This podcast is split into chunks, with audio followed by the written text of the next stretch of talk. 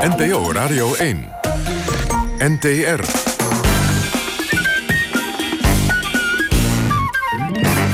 Goedenavond. U heeft altijd al meer willen weten over Havabra-muziek. En daarom wordt u vanavond bijgepraat door onze gasten. Beide dirigent en componist en twee grote namen in de wereld van de harmonie, fanfare en brassbands...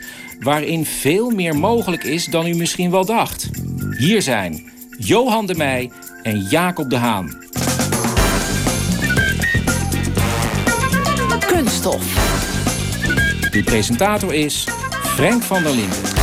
Uh, Johan, wat heb jij dat uh, Johan Sebastian Bach niet had? Een computer, denk ik. en als het gaat om componeren?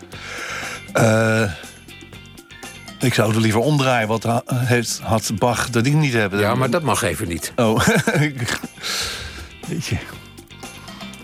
Nou, je begint meteen met een moeilijke vraag. Jij leeft in de VS. Mm Je hebt een onwaarschijnlijk publiek daar. Uh, en je hebt iets heel bijzonders opgebouwd. Wat zou Bach dat graag hebben gehad? Dat hij in zijn eigen plaatsje amper de erkenning kreeg waarop je hoopte, toch? Ja, het zou kunnen.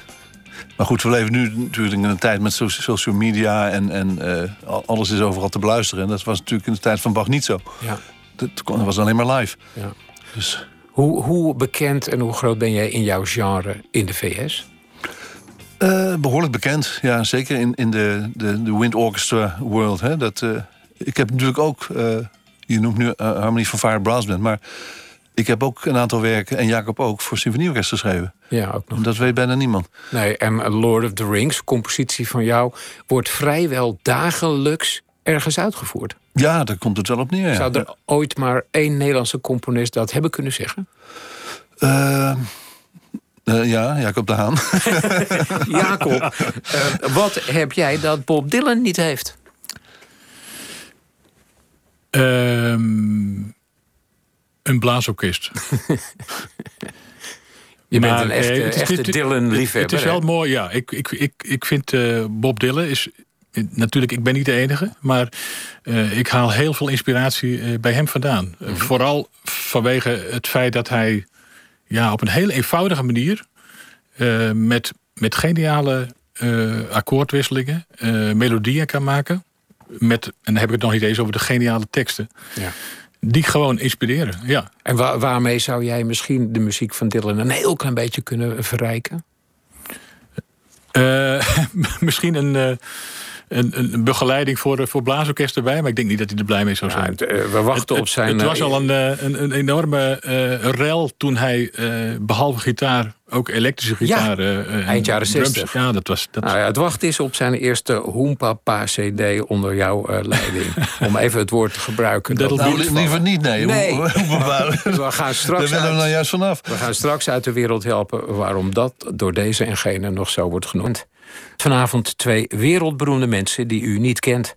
Zo paradoxaal is dat georganiseerd. Uh, Johan de Meij, componist, dirigent. Jacob de Haan, componist, dirigent. Um, eerst maar eens even dat genre. Hè. Kijk, de Volkskrant schreef over jullie genre uh, recentelijk... waar de gemiddelde symfonische componist al blij mag zijn... als het stuk voor een chique serie als de zaterdagmatinee... in het Concertgebouw een tweede of een derde uitvoering krijgt staat een nieuw stuk van de koningen van de Havabra direct wereldwijd op de lessenaars en lopen uitvoeringen al gauw in de tientallen. Heren, Havabra. Even de nadere definitie. Nou ja, het is, het is dus een afkorting van harmonie van Vare Brassband, Havabra. Uh, en dat wordt vaak op één, één hoop gegooid, maar er is natuurlijk een groot verschil tussen die drie uh, orkestsoorten. Een harmonieorkest is met, met houtblazers, uh, een fanfare is dezelfde kopergroep, maar met een grote uh, vlugelhoorngroep en een grote saxofoongroep. Mm -hmm. En een brassband is alleen maar koper. Ja, uh, Jacob, en, en hoe zou je de reputatie van dat type muziek in, in het Nederland van 2020, waar we in leven, kenschetsen? Ja, nou, ik, ik zie wel wat verbeteringen, maar het was altijd wel een beetje een, een afgescheiden wereld. En het is, je had die muziek was eigenlijk, daar waren mensen mee bezig die, die daar, uh, die muzikanten zeggen, muzici, Mhm, componisten en dirigenten. Uh, maar en ook het publiek was vaak blaasmuziek-minded. Maar ik geloof wel dat er, dat er wat verandering in komt. Ja. En, uh, nou, zeker het initiatief van uh, het Noord-Nederlands Orkest... waar wij dus volgende week allebei bij betrokken zijn... dat is echt een soort brugfunctie om die, uh, die kloof te dichten... tussen de, de symfonische wereld en de de amateuristische blaasmuziek. Bas van Putten, kenner van klassieke muziek in de breedste zin van het woord, die, die noteerde ooit in de Groene Amsterdammer, meen ik. Um, dat jullie twee kopstukken zijn die bij dat grote publiek relatief tot volkomen onbekend zijn. En dat in een sector die binnen de officiële muziekcultuur sowieso met een zekere meewarigheid, noteert hij, wordt bekeken. Mm -hmm. Het is maar provincie, Hollandse folklore.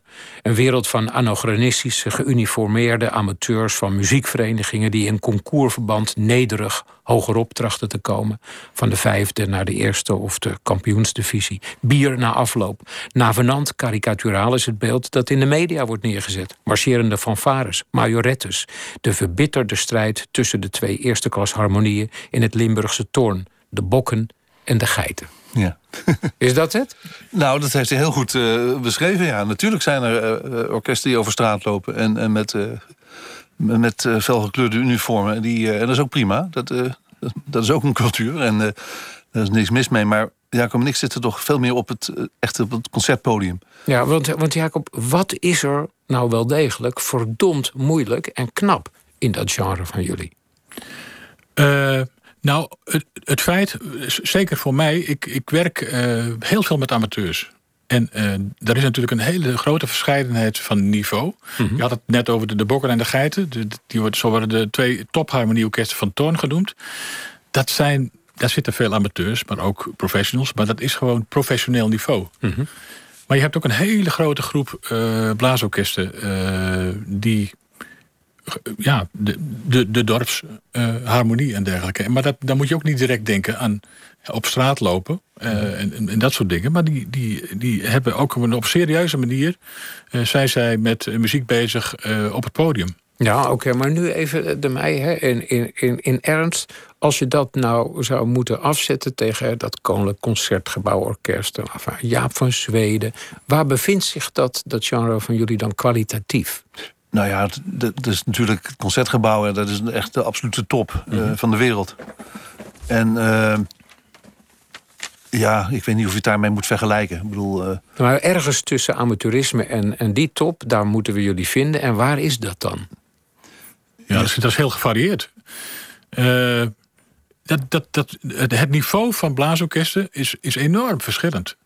Vandaar ook dat wij, wij zitten ook deels in, in verschillend vaarwater. Wij, wij zitten ook niet uh, Johanse stukken zijn vrij uh, complex en, en, niet gemakkelijk realiseerbaar. Zullen we gelijk maar eens even een stuk uh, beluisteren? Ja, prima. Je hebt iets uitgekozen, Johan, mm -hmm. waarvan je zegt... doe nou niet Lord of the Rings, wat miljoenen keren op YouTube te vinden is geweest... voor deze en voor gene. Wat, wat wil je even laten horen ter illustratie? Een stukje uit de derde symfonie, Planet Earth.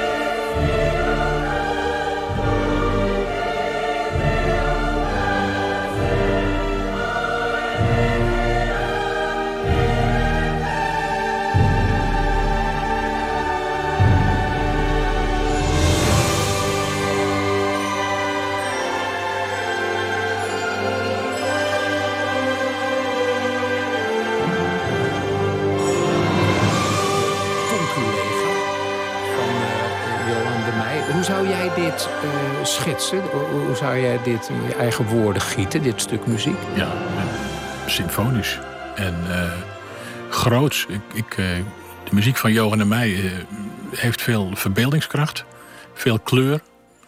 En ja, wat moet ik er verder van zeggen? Het is het is, je associeert het niet met de normale muziek voor, harmonieorkest. Nee. nee. En, ja, het, het, komt ook omdat dit was het orkest van eh, Simon Bolivar. En daar zitten acht cello's en zes contrabassen. Dus dat geeft een enorme symfonische sound. En wat is de gedachte achter dit stuk? Uh, wat je net hoorde was het, uh, het koor, een, een, een vrouwenkoor... die zingen in Oud-Grieks de, de, de, de Gaia-hymne. Moeder Aarde. Die bezingen de lof over Moeder Aarde. Uh, inherent aan de, de titel van het stuk Planet Earth. Ja. En, uh, en dat bouwt zich nog helemaal op naar, naar de climax van de finale toe. Maar ik vond het prachtig om die, die, de, die Griekse taal daarin te gebruiken. En je verstaat er natuurlijk niks van, maar dat is ook niet zo erg.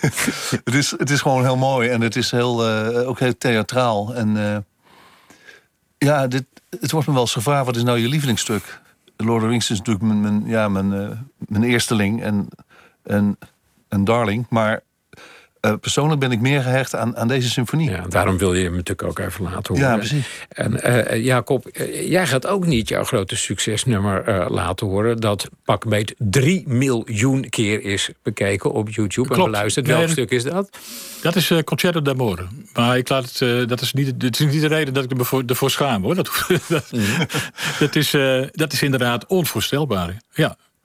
En waarom wil je dat bijvoorbeeld toch niet laten horen? Oh, dat is niet een kwestie van niet willen. Maar ik, ik heb dat uh, destijds. Uh, we, hebben, we zijn op een gegeven moment samen in het programma van Tran Huis geweest. Ja.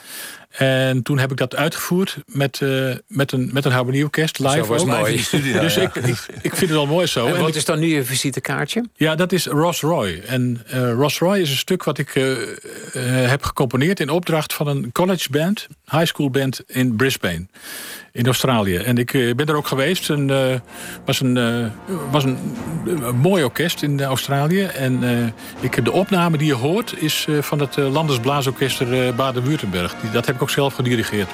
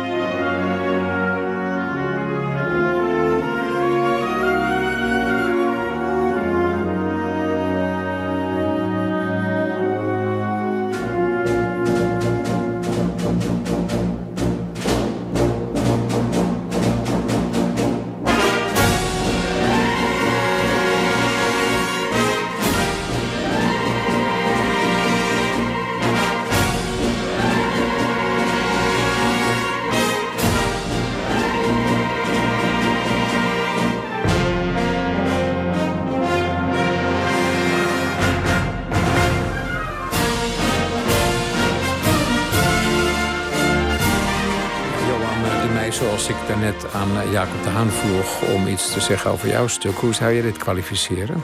Nou, Jacob heeft een enorm gevoel voor, voor goede melodieën. Die, uh, die hoef je maar één keer te horen en je loopt het de hele dag te fluiten.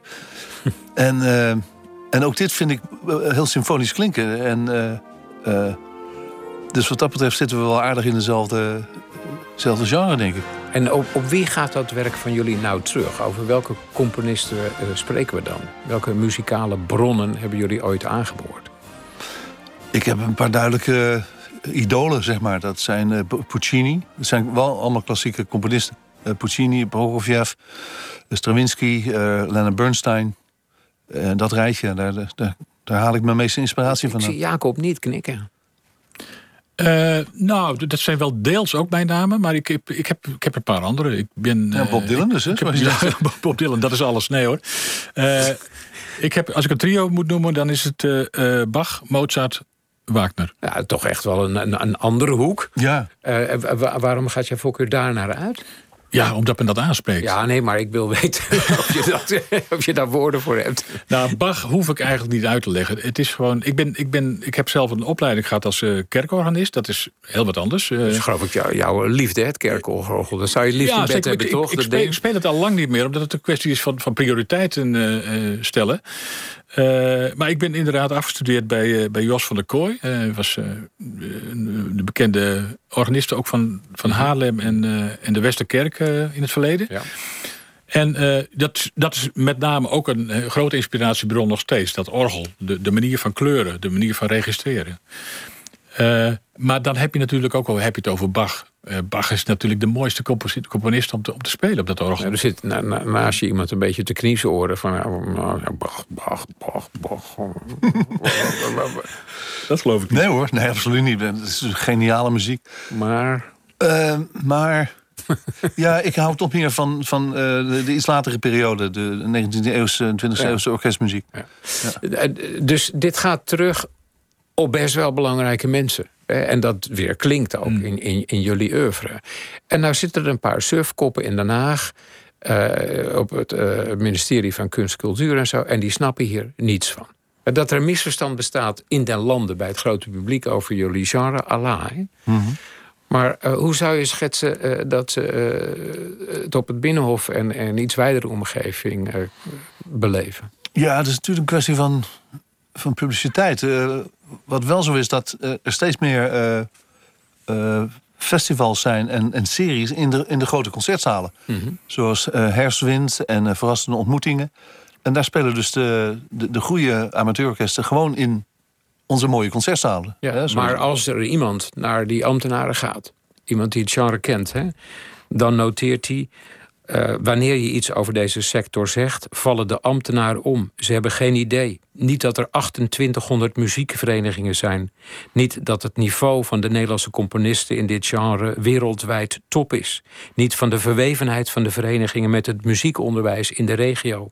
Niet over de belangrijke sociaal-maatschappelijke rol van die muziekverenigingen in plattelandsgemeenschappen. Ja, dat ligt in het verlengde van, van die hele cultuur- en uh, muzieksector, die in, in enkele jaren tijd. Uh, gewoon een kopje kleiner is gemaakt. En dat, gaat, dat, dat proces gaat nog steeds de door. Bezuinigingen. Ja, de bezuinigingen, ja, zeker. De muziekscholen. En kijk, en, en, en wij, wij zijn niet uh, direct uh, afhankelijk van, uh, wel indirect soms, maar van, van subsidies. dus met andere woorden, wij, tenminste, laat ik even voor mezelf spreken, ik, ik ontvang heel veel opdrachten. En die opdrachten die worden zelf gegenereerd. En dus, dus de, de sponsor, daar worden sponsoren bij gezocht. dus, maar er zijn ook heel veel. Kijk, de muziekonderwijs bijvoorbeeld ook. Dat is zo verschrikkelijk essentieel. En -hmm. in andere landen zien ze dat. Ik dirigeer heel veel in andere Europese landen. Bijvoorbeeld Frankrijk, uh, Spanje, Oostenrijk, uh, Italië. En overal ja, slaan ze uh, achterover van, van verbazing. Als ik zeg dat, mm -hmm. dat de muziekscholen hier omvallen. Uh, Johan, als ik het even, even pesterig mag zeggen. Als je nou zo cosmopolitisch bent als jullie. Bedoel, Jacob uh, schetst uh, dat hij bekend is en werkte in Zuid-Europa. Ook in Latijns-Amerika. En jij zelf, Johan, in de VS, Japan enzovoort. Mm -hmm. Hoe lauzie lobben jullie dan wel niet? Dat het toch kan gebeuren dat in jullie genre wordt bezuinigd. en, en, en dat de boel wordt platgewalst. Ja, ik ben al twaalf jaar weg uit Nederland natuurlijk. Dus ik weet eerlijk gezegd niet meer hoe, uh, hoe de zaak ervoor staat. Maar, maar komen jullie, wil ik uh, platweg zeggen, wel, voldoende op dan voor Ik zou niet weten hoe ik dat zou moeten doen. Nee, ik Moet ik dan een boze brief schrijven naar uh, het Binnenhof? Ik weet het niet. En, en... Johan de Meij, wat is Calefax? Calefax is een rietquintet. bestaande uit hobo, fagot, basklarinet, saxofoon en uh, oh, wat even hoor. Oboe, klarinet, saxofoon, basklarinet en vergot. Ja, en nou ben jij van die blaasinstrumenten. En als je niet uitkijkt wanneer je een compositie maakt... blaas je dit soort fragielere instrumenten zo van het podium af. Hè? Wat ben jij nu aan het doen toch met dat Calefax? Ik heb uh, op, op hun verzoek een, een groot werk geschreven... voor Calefax en Harmonieorkest. En dan moet je natuurlijk inderdaad goed op, op de balans letten... En Daarom heb ik het ook een concerto grosso uh, mm -hmm. genoemd. Dus er zit heel veel dialoog in. Uh, als zij spelen is er maar weinig uh, begeleiding bij. Mm -hmm. We gaan even luisteren naar hoe die rietinstrumenten klinken.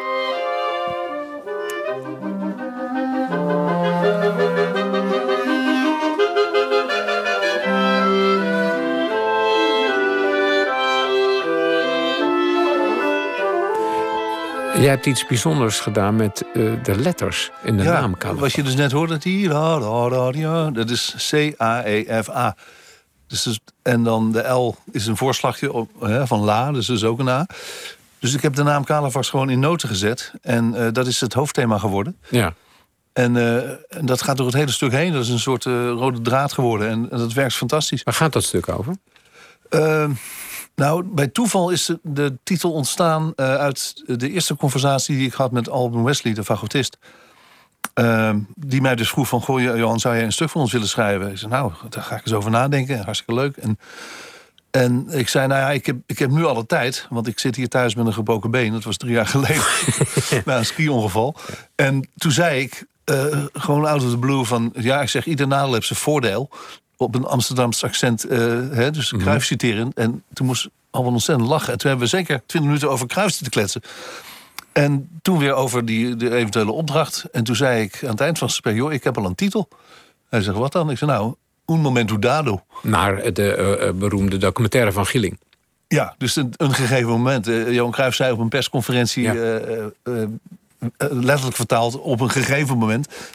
en een momento dado. En niemand begreep dat. Maar later is dat gewoon een, een, een iconische uitspraak geworden in Spanje. Dus, en dat is Ja. de titel van het stuk geworden. Wanneer is dat eh, te horen? Dat gaat morgenavond in première in Tilburg, Ja. in de concertzaal. En eh de Manieschapel, onder leiding van Argentien, is het eh, begeleidende orkest. Ja, jij kwam vanochtend, als ik goed ben geïnformeerd, ingevlogen. Ja, ik kwam vanochtend op Schiphol aan. Vanmiddag gerepeteerd.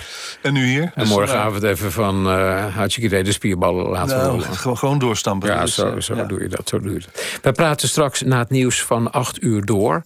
En dan ben ik heel benieuwd wat een splijtend moment in jullie leven is geweest. En hoe dat ehm, zich verhoudt tot de blaasinstrumenten. Luister door naar Kunststof na de klok van 8. Tot straks. Kunststof. Er zijn van die momenten in je leven dat je verdriet hebt. Er zijn momenten dat je op een wolk drijft, groot geluk ervaart. Splijtende momenten in je leven. Als je muzikus bent, dan relateer je die altijd op de een of andere manier aan noten. En in het geval van de beide heren aan de overkant van de tafel, Johan de Meij en Jacob de Haan in Kunststof te gast, aan blaasinstrumenten. Ehm, Jacob, waar, waar denk jij aan bij een splijtend moment? Eh, nou, het verdrietige moment was eh, een aantal jaren achter elkaar dat eh, mijn ouders niet, niet, niet zo veel jaren achter elkaar kwamen te overlijden. En de ziekte was Alzheimer. Eh, ja, dat, dat is een hele verdrietige periode geweest. En Op dat welke is iets- leeftijd overleden zij? Eh, mijn vader op 71-jarige leeftijd. Alleen die heeft het wel heel vroeg ook al gekregen. Eh, en mijn moeder was eh, 67. Dat is inderdaad eh, twee keer eh, veel te jong. Ja, ja. En, aan welke muziek moet je denken als je eh, deze herinnering ophaalt? Nou, ik denk, ik denk eh, vooral aan de muziek die dan vroeger gedraaid werd. En eh, dat, was, dat waren oude symfonische opnames van, van Karajan bijvoorbeeld. Beethoven, eh Broekner. Maar ook blaas, blaasorkesten. eh, langspeelplaten met, met brassbands vooral. Eh, de, de muziek waar, waar mijn vader eh, van hield en waar ik eigenlijk mee groot ge- geworden ben. Waar, eh, waar, ik, waar ik mee opgegroeid ben. Ja. Nou is een van de rare dingen van eh, dementie dat mensen de naam van hun geliefde of hun kind kunnen vergeten. Maar het liedje dat ze op het schoolplein leerden zingen met hun vriendjes en vriendinnetjes. Tot bijna de laatste ademtocht eh, kunnen ophalen. Hè? In, in hoeverre eh, leefde jouw muziek nog eh, voort in jouw ouders, terwijl zij al in de nevelen van de Alzheimer verdwenen? Ja, ik kan me dat eigenlijk niet zo goed meer herinneren. Het is. eh, dat is wel. Eh, Ja, dat is een ironische opmerking. maar een- Als dat maar geen voorbode is, sorry. eh, Ja, wel nieuwe vrienden. Ja. ja, precies.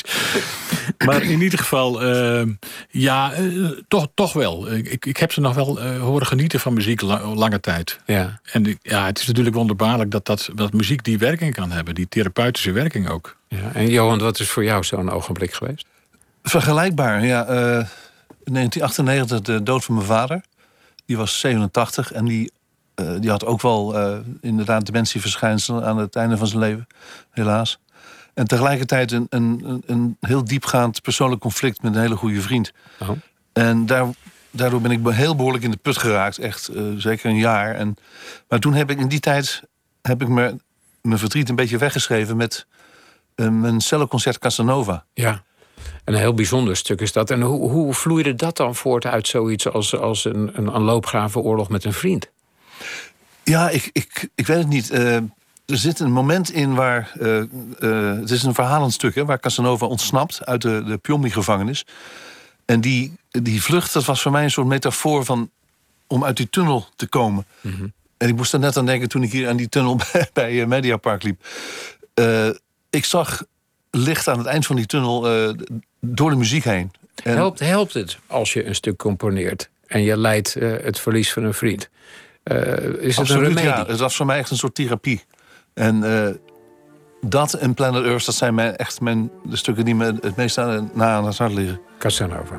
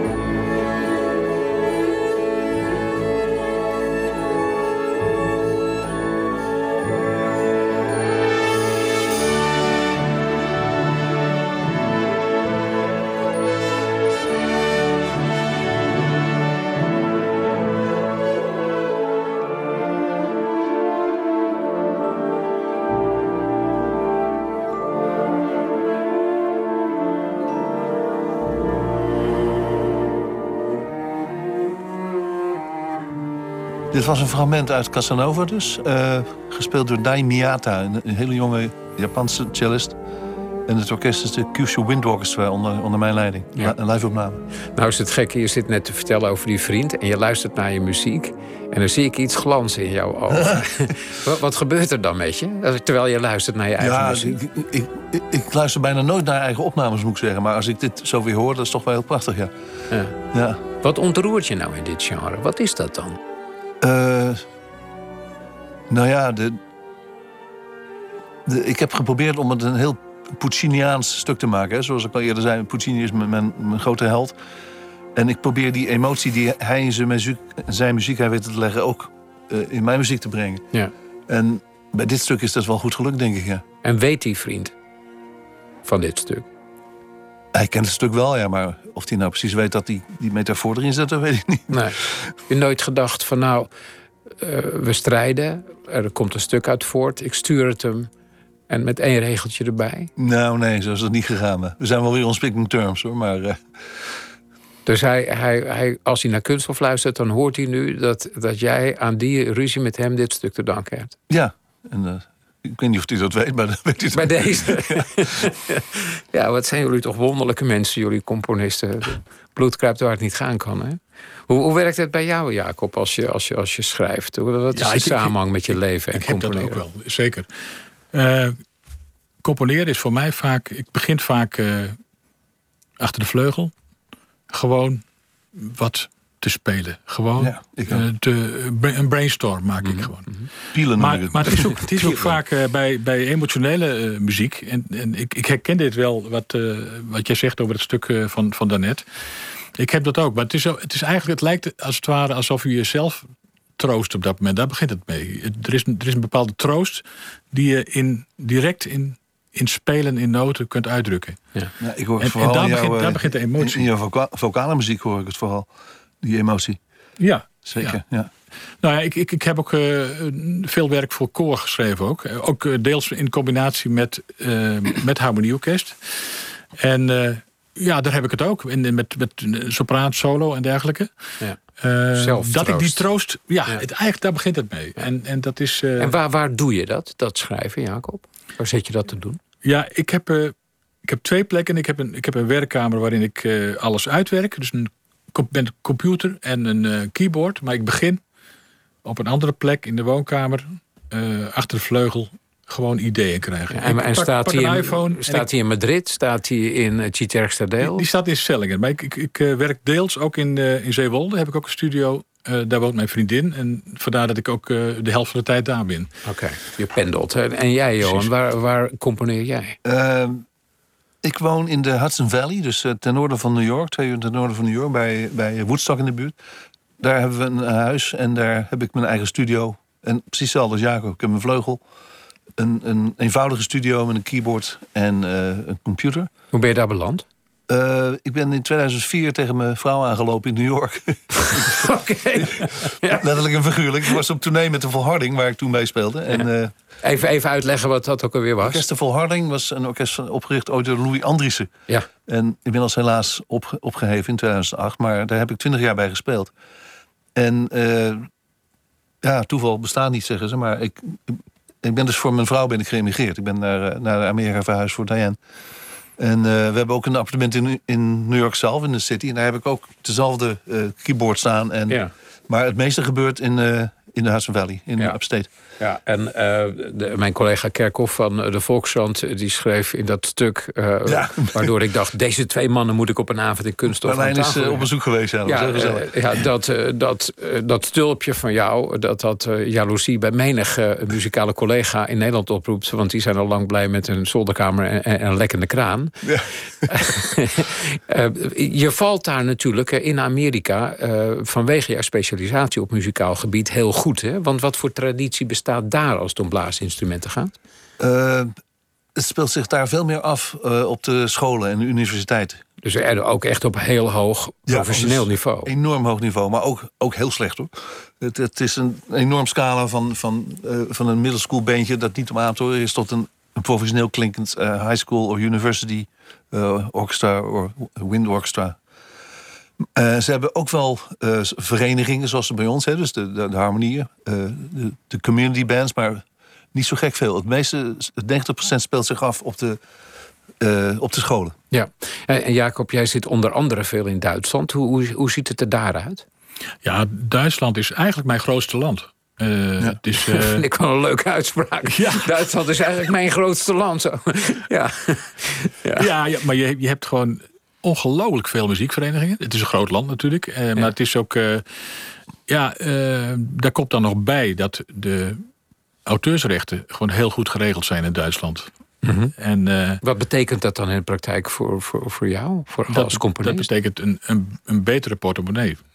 Dat wil, dat, dat wil dus zeggen dat de, de uitvoeringsrechten... Die, die altijd niet overal ter wereld goed geregeld zijn. Hoor. Bijvoorbeeld China of Amerika. Ja, en Daar kunnen ze stelen. Portugal. Ja, dat is, dat is gewoon... daar, daar komt er eigenlijk niks van te terecht. Ja, dat, eh, Maar er zijn een aantal landen waar het gewoon uitermate goed geregeld is. En Japan, dat- Duitsland. ja, Ne- Nederland ook. Nederland ook. Buma Stemra is een goede organisatie. Ja, nu, nu die naam toch valt. Jullie eh, bereikten in 17, 2017 en 2018 iets... waar de muzie- muziekwereld eigenlijk min of meer van achterover viel. Wat was dat, Johan? Eh, ik eh, kreeg de Buma Classical Award. En het jaar erop eh, was eh, Jacob aan de beurt. Wat is dat voor ding? Dat is een, een eh, award die wordt uitgereikt aan eh, de meest gespeelde componist van dat jaar. Wereldwijd. Eh, Nee, uit ja, Nederland, ja, hè? Ja. Wereldwijd, ja. En, en volgend jaar, het jaar erop was eh, Jacob de Haan aan de beurt. Dat was natuurlijk fantastisch. Ja. Wat, wat zegt dat, Jacob? Ja, dat, dat zegt voor mij eigenlijk eh, voornamelijk één ding. En dat is dat het een geweldige eh, waardering is voor, voor je muziek. En dat, die dus, dat, dat er heel veel orkesten in de wereld zijn die jouw muziek eh, graag willen spelen. En dat, dat is eigenlijk de, de kern. En hoe reageert eh, Johan, een, een man als Louis Andries, hè, aan wie je eerder refereerde in de uitzending, daar nou op? Hè? Dat is iemand die onwaarschijnlijke status geniet in Nederland. Maar Ja, oh nee, in- Louis vond het fantastisch. Ik ken hem heel goed. En eh, ik kom hem vaak tegen nog. Eh, hij is ook vaak in New York en zo. Dus eh, nee, die was, die was alleen maar helemaal heel blij. Dat, ja. Maar dit zijn mensen die veel grotere problemen kennen als het gaat om het uitgevoerd krijgen van werk. Hoe, hoe zit dat met jalo- jaloezie de métier? Nou, ik denk niet dat uh, Louis Andries jaloers is. Hij wordt natuurlijk ontzettend veel gespeeld ook. Dat, uh, je vroeg net wie, hè, Louis Andriessen en Jacob de Veldhuis, uh, Michel van der A. Die komen een end. Zeker. en opkomend is Anthony Fiumara. Die wordt ook bijna iedere dag nu wel ergens gespeeld. En, Louis heeft overigens wel een keer gezegd dat jij een groot dief bent van zijn themaatjes. ja, dat was Extreme Makeover. Daar heb ik inderdaad expres een beetje Louis nagedaan. Hoe ging dat dan? Maar maar hij vond het fantastisch. En hij zegt, ja, je hebt natuurlijk van mij gehad. Maar dat geeft niet, want ik, ik heb ook weer van Stravinsky gehad. En oh, zo. zo gaat het? Ja, nee. ja, zoals uh, nee, een kok, heel die... sportief, hoor. Die is absoluut niet uh, kinderzinnig of zo. zo. Zoals een kok die kippensoep maakt... die steelt van het recept van Paul Bocuse... met drie sterren in Frankrijk. Zo, zo, zo doe je dat. Maar ik noem het niet stelen, ik noem het lenen. Maar, ja, dat maar ik geef het alleen niet terug. En, Jacob, van wie stel jij als het om moderne componisten gaat? Naar wie luister je met, met andere woorden met bewondering? Ja, moderne componisten. Ehm, ja, ik, ik bezoek veel opera's. Ik ga, ik ga regelmatig naar de, naar de, de Nationale Opera. En ja, bijvoorbeeld, uh, ja, ook, ook wel Stravinsky trouwens. En, uh, ook, heeft ook een paar hele mooie opera's geschreven. Maar toch vaak ga ik vaak voor het klassieke. En ik voel me toch meer een romanticus dan, dan een modernist. Mhm, mhm. Dus, dus daar ligt toch wel meer die inspiratie. Ik wil van jou ook uh, toch, toch nog uh, wat, wat meer laten horen. Ja. Zo, uh, waar, waar, wat hebben we staan? Waar, waar denken we aan? Weet je wat, we, we, starten gewoon wat in. En dan ga je na afloop ga je even vertellen waar we naar hebben ja, geluisterd. Goed, ja. goed. Even niet de indruk van, van de kijker, de luisteraar moet ik zeggen... bederven door onze toelichting.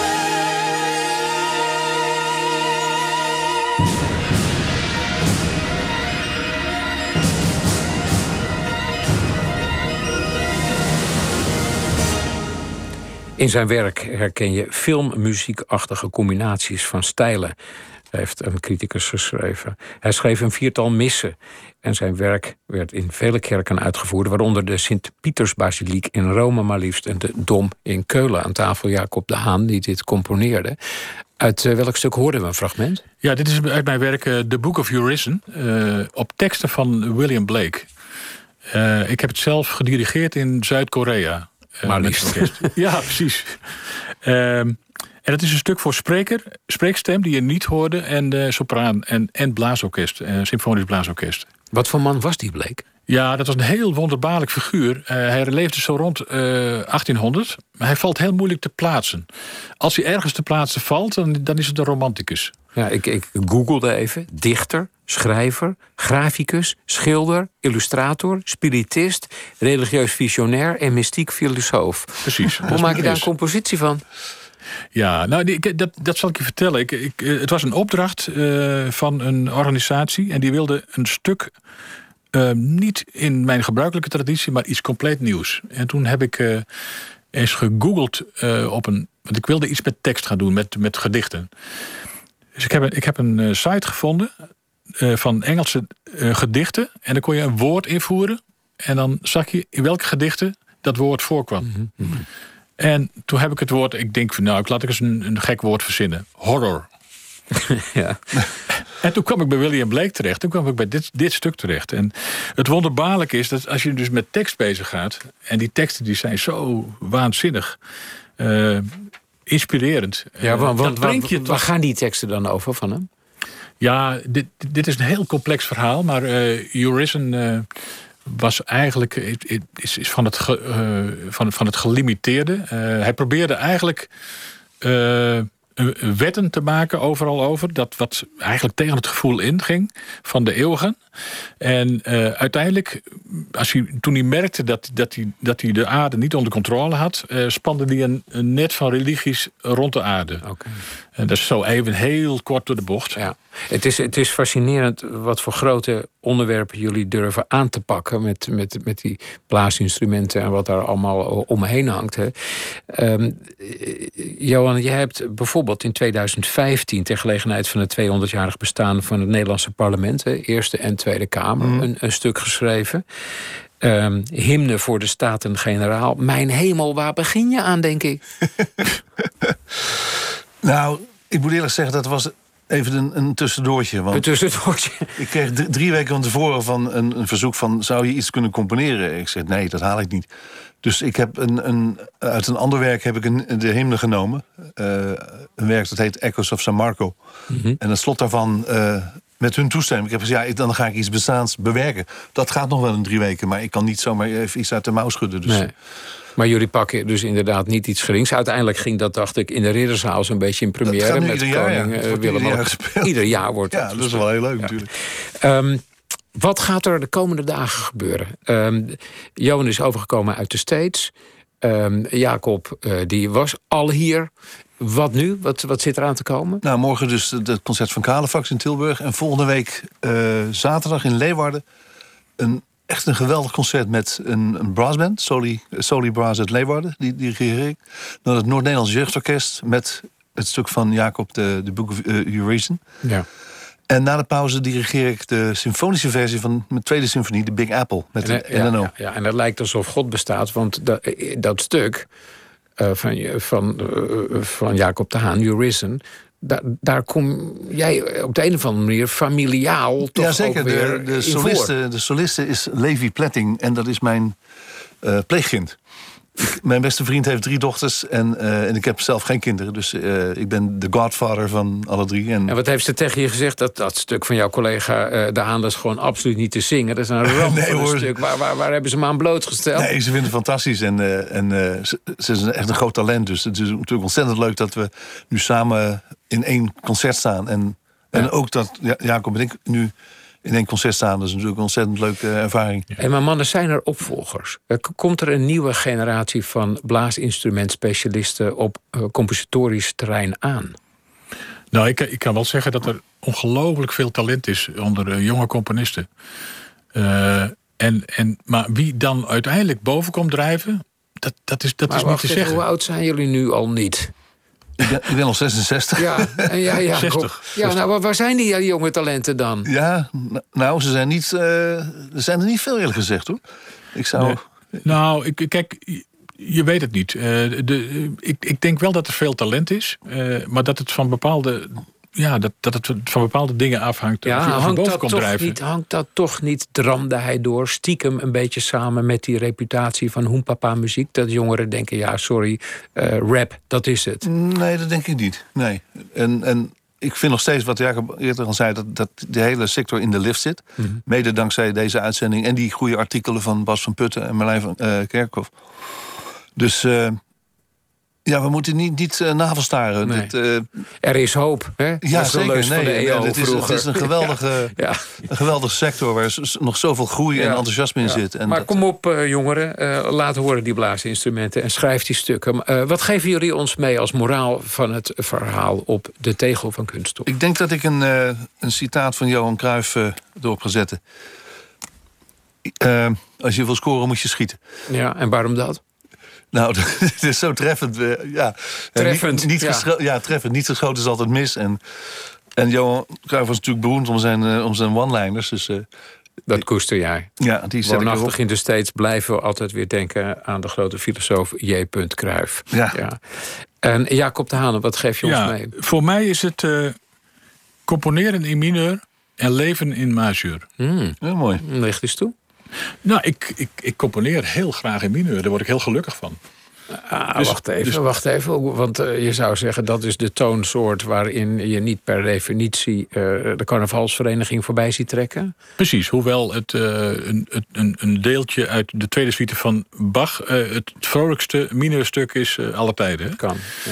Maar in ieder geval ja, nee, ik, ik, ik, ik, eh, ik vind daar heel veel eh, vreugde in om in mineur te schrijven. Ik bedoel, uh, op, op een of andere manier is dat gewoon, ja, niet, niet letterlijke vreugde, maar in ieder geval, ik heb er heel veel plezier in. Ja. Ik ga jullie thuis gewoon vaker draaien dan ik tot nu toe heb gedaan. Je hebt het in mij tot leven gebracht. Ik vond het een eer om jullie te mogen ontvangen. Erg bedankt. Dankjewel. Graag gedaan. Dankjewel, Frank.